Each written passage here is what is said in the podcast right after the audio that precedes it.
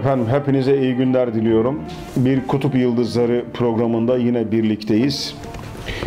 Hoca Efendi'nin aile hayatını tanımaya çalışıyoruz, ailesini tanımaya çalışıyoruz. Hoca Efendi'nin babası Ramiz Efendi gerçekten örnek olacak, rol model bir baba olarak karşımızda duruyor.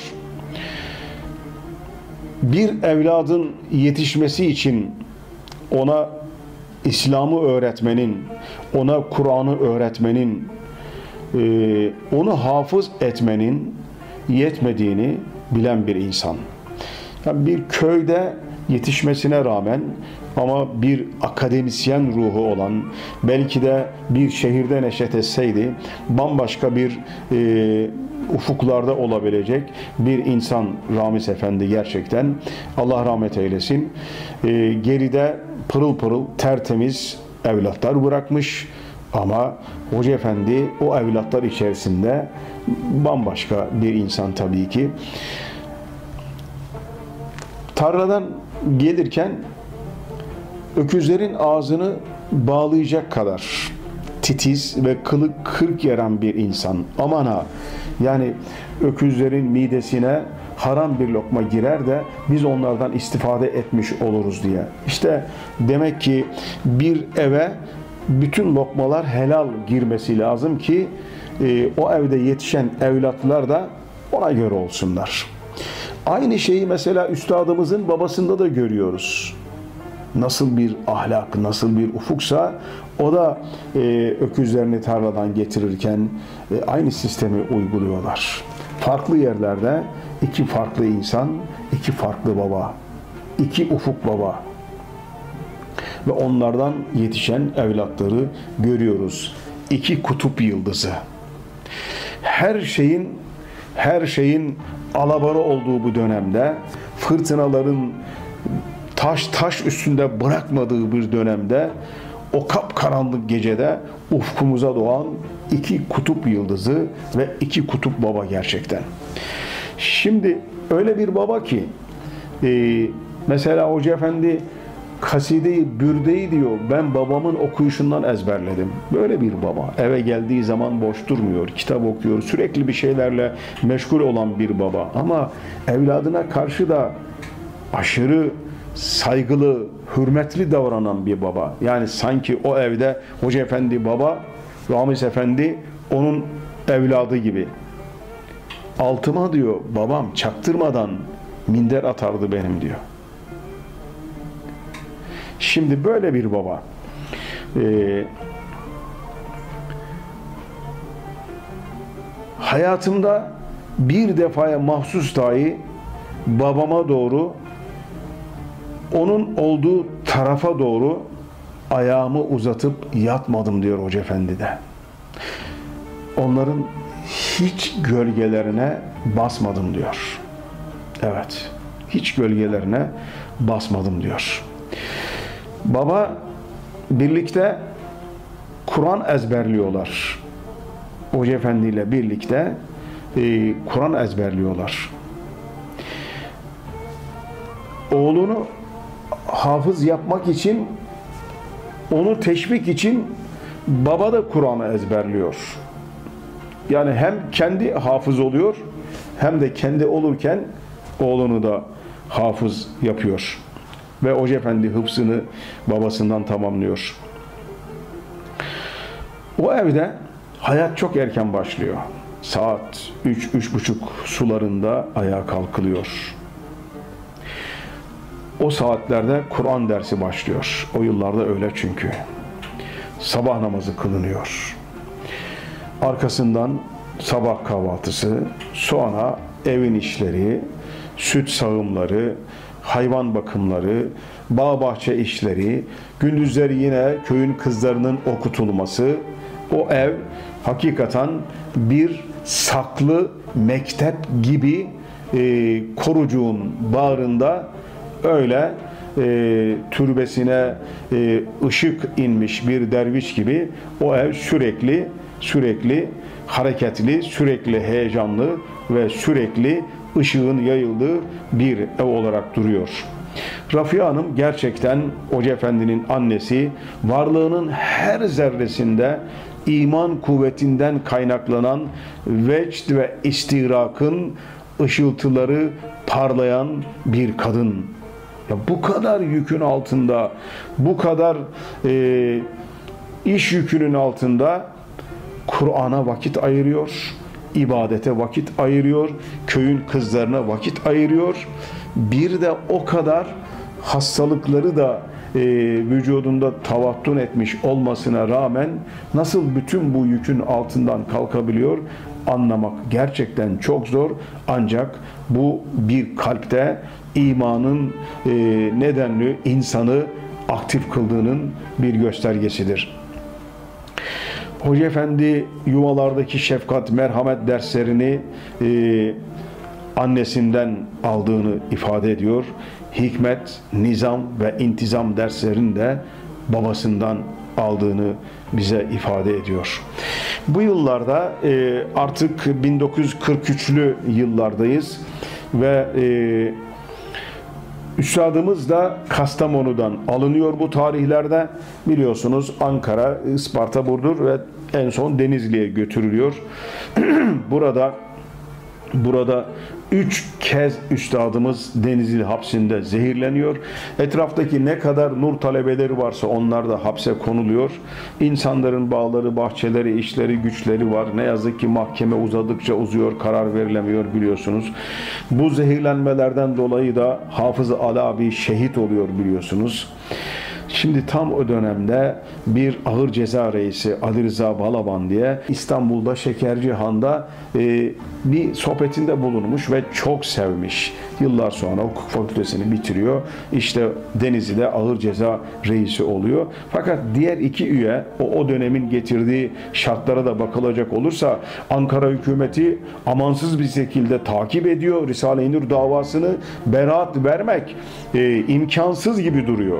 Fakat Ali Rıza e, Balaban Ali İhsan Tola abinin de köylüsü olan Hesna Şener hanımefendiyi çağırıyor. Diyor ki Hesna Hanım bu hoca efendi çok mübarek bir insan. Ne olur sen de gel e, bizim komisyona dahil ol da bu hoca efendiye beraat verelim diyor. O da buna razı oluyor ve e, oy birliğiyle oy birliğiyle e, üstadımız ve talebeleri Risale-i Nurlar beraat ediyorlar. O dönemde yani o yıllarda bunların olması imkansız ama e, işte demek ki o zaman e, üstadımızın tabiriyle e, adil hakimler varmış. Adil hakimler varmış. Cesur yürekli hakimler varmış. Üstadımız onları dualarına dahil ediyor. Onlara Risale-i Nur gönderiyor. Hesna Hanım'a selam gönderiyor köylüsü Ali Santola abimizle. Bir gün o selamı götürüyor. Hesna Hanım odasında oturuyor. Gel bakalım diyor e, koca Nurcu gel diyor. Hemşerisi, akrabası onun. E, diyor ki ne olacak bizim halimiz böyle diyor. Bak işte üstümüz başımız görüyorsun diyor. Yani doğru dürüst namazımız yok, ibadetimiz yok. Keşke diyor köydeki çoban Mustafa ile evlenseydim de hiç değilse dinimde, diyanetimde tam tekmil olurdum falan diyor. Ağlıyor kadıncağız. Diyor ki üstadımızın sana selamı var. Üstadımız diyor ki ben Hesna Hanım kardeşimi gavslarla, kutuplarla birlikte dualarıma dahil ettim diyor. Bana dedi ki Ali San bak tesettür risalesini tesettürde olmayan bir kadın beraat ettirdi. Sen ona biraz soğuk bakıyordun değil mi? Dedi bana diyor. Üstadımızın bu selamı e, Hesna Hanım'ı gerçekten kuşlar gibi hafifletiyor. Allah onlara da rahmet etsin. O yıllarda, 43'lü yıllarda böyle bir beraat vermek hakikaten çok zor bir şey ve üstadımız ondan sonra e, Afyon'a sürgün gönderiliyor ve artık e, Afyon yılları başlıyor. Bir müddet sonra da e, yine tekrar hapis, tekrar zindan, artık arka arkası gelmeyen sürgünler, göçler, hapisler 28 yıl bil fiil ömür hapislerde geçiyor, sürgünlerde geçiyor. Şimdi Bu arada 1944 yılında biliyorsunuz 2. Dünya Savaşı başlıyor. Evet. İnsanlar ne yazık ki dünyaya sığmıyorlar. Huzur ve barış içinde yaşamayı beceremiyorlar. Medeniyetler çatışıyor. İnsanlar savaşıyor. İnsanlar ölüyor. Yani 1945'te e, Amerika Japonya'ya atom bombası atıyor. 110 bin kişi sadece o bombaların tesirinden ölüyor. Kim bilir ne kadar bin insan da, yüz bin insan da e, yaralanıyor, e, etkileniyor o bombaların tesirinden. O da ayrı. Şimdi bu savaşların sonuçları gerçekten çok felaket. İkinci Dünya Savaşı'nda öldürülen insanların sayısı 73 milyon olarak ifade ediliyor. Düşünebiliyor musunuz? 73 milyonun öldüğü bir felaketin boyutları neredeyse dünyadaki bütün evler bu felaketten, bu acıdan etkilenmiştir. Her eve düşen bir acı vardır İkinci Dünya Savaşı'nda. E birincisi de öyleydi zaten. Şimdi ve o dönemde güçler dengesi, e, güç dengeleri değişiyor ama olan insanlara oluyor. Ne yazık ki o dönemin zalim diktatörleri var. Mussolini gibi, Adolf Hitler gibi. Yahu bir algı operasyonlarıyla halkını yani e, Ruslar Berlin kapısına sınırına gelinceye kadar aldatabilen, medyayı elinde tutabilen, insanlara sanki zaferden zafere koşuyormuş gibi gösterebilen nasıl bir yalan, nasıl bir algı. Gerçekler hiç de öyle değil esasında. Ama insanları uzun süre algılarla yanıltabilirsiniz, kandırabilirsiniz. Masum insanları suçlu ilan edebilirsiniz. Ama gerçeklerin bir gün açığa çıkmak gibi bir özelliği vardır ve mutlaka çıkacaktır. Tıpkı günümüze yaşananlar gibi. Sonları ne oldu bu insanların? Sonları intihar ettiler. Mussolini yakalandı, öldürüldü.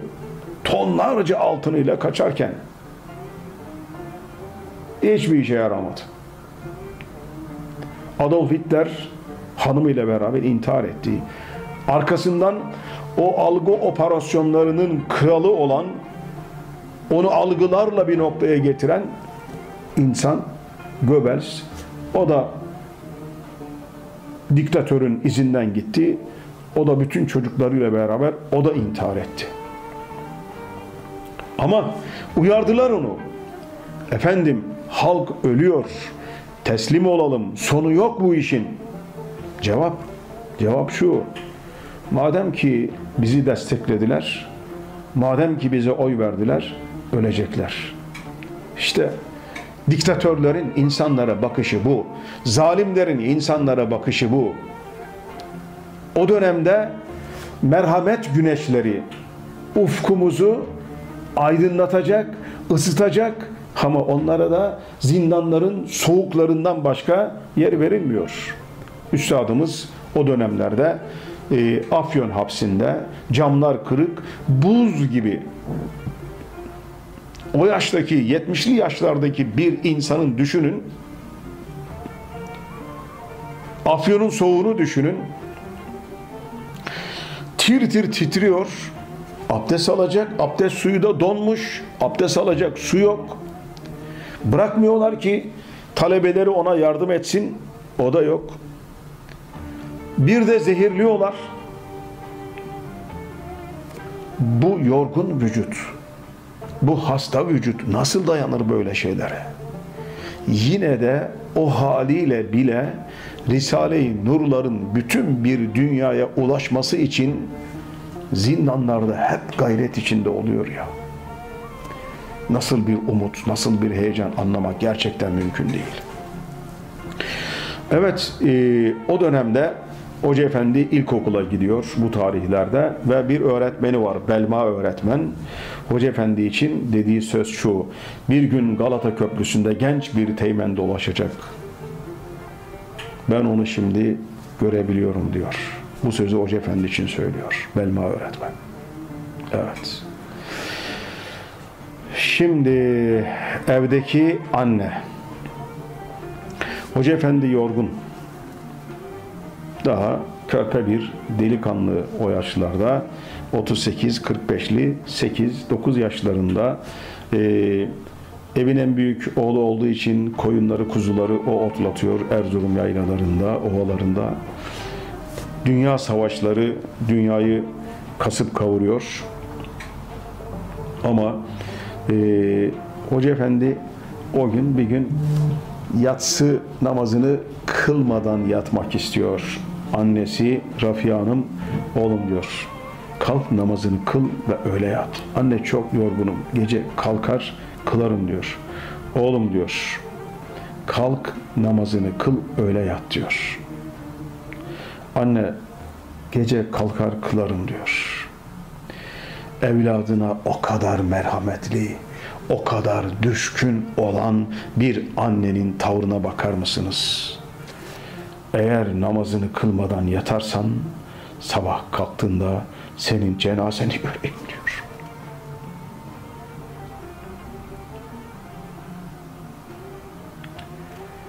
Konu Allah'a karşı kulluk ve vazife olunca annelik merhameti bambaşka akmaya başlıyor görüyorsunuz.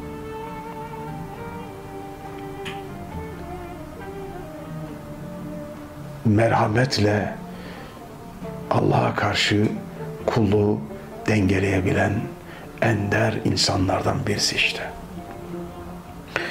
Şimdi Hoca Efendi annesinin namaza karşı olan bu ciddiyetini ömrünün sonuna kadar hiç unutmayacak ve o annenin o ciddiyeti bir ömür boyu Hoca Efendi hep takip edecektir. Bu yıllarda Demokrat Parti kuruluyor.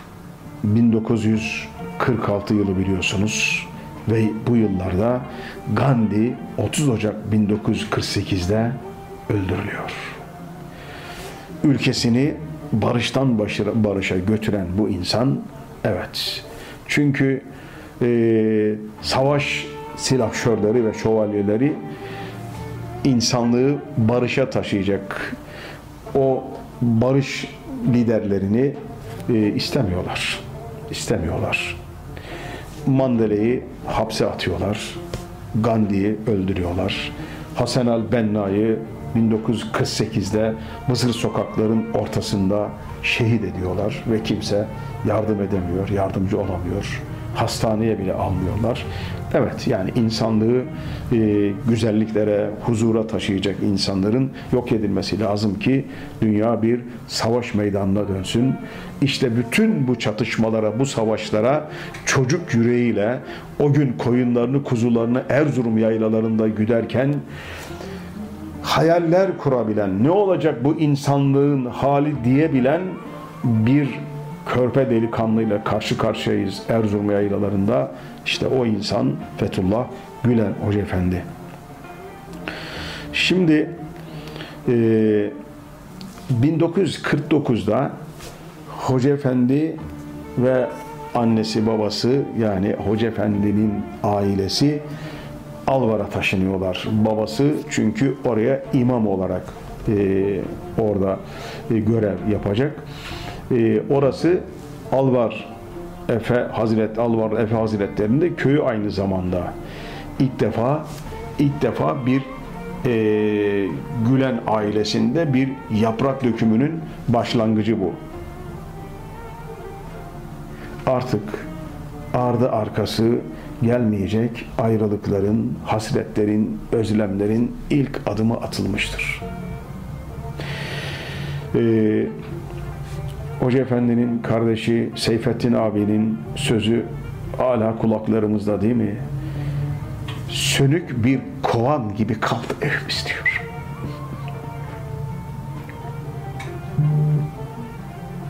Sönük bir kovan gibi kaldı evimiz. Yıllar sonra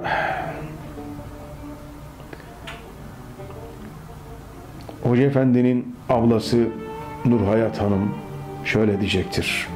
Biz çok mutlu bir aileydik. İşin sırrı da burada saklı esasında. Sanki hiç birbirinden kopmayacak bir vücudun azaları gibi sanki kol kopmuştu. Aradan bir müddet sonra Hoca Efendi korucuya bir vesileyle geldiğinde de dedesi Şamil Efendi'nin söylediği sözler gitti gül, gitti bülbül, ister ağla, ister gül. Nasıl bir aile ya Rabbi. Evet, Hoca Efendi bu defa Alvarlı Efe Hazretlerinden ders görmeye başlıyor. Bugünkü kalbin zümrüt tepelerinde de ondan büyük hisseler olduğunu düşünüyorum ve Hoca Efendi'nin hakikaten bu e, tasavvuf tarafının orada e, orada şekillendiğini biliyoruz. Alvarlı Efen, Efen, Efe Hazretleri'nde Hoca Efendi zaten bir ömür boyu hiç unutamıyor. Sürekli sohbetlerinde anıyor biliyorsunuz. İşte bu arada e, Rafia annemiz bize bir şey anlatıyor. Bazı geceler diyor Hoca Efendi rüyasından lebbeyk ya Resulallah der uyanırdı diyor. Bir gün babasına dedim ki bugün de sen bekle bakalım. Hiç o gece seslenmedi diyor. Ama benim olduğum gecelerde zaman zaman lebbeyk ya Resulallah derdi. Uyandığında oğlum ne görüyorsun, ne gördün derdim. Bir şey söylemezdi diyor. Lebbeyk ya Resulallah. Buyur ya Resulallah. Buyur ya Resulallah. Artık mana aleminde ne görüyor, neler söylüyor, ne dersler alıyorsa bilemiyoruz. Evet. 1950'lerde Salih Özcan abi Alvarlı Efe Hazretlerini ziyaret ediyor. O ziyarette üstadımızdan bahsediyor. Risale-i Nur talebelerinden bahsediyor. Nasıl hizmet yaptıklarını anlatıyor. Alvarlı Efe Hazretleri hakikaten hakikatperest bir insan. Diyor ki keşke diyor ah şu gözlerim görseydi de ben de diyor sizinle birlikte hizmet etseydim diyor. Evet Alvarlı Hazretleri de hakikaten böyle bir insan. Evet bugünkü sohbetimizde burada nihayet buluyor. Önümüzdeki derste Hoca Efendi'nin Erzurum yılları, Hoca Efendi'nin Risale-i Nurlarla tanışmasını anlatacağız. Ve oradan da doğudan batıya uzanan yolculuğa doğru biz de uzanacağız. Hepinize tekrar iyi günler diliyorum. Hoşçakalın.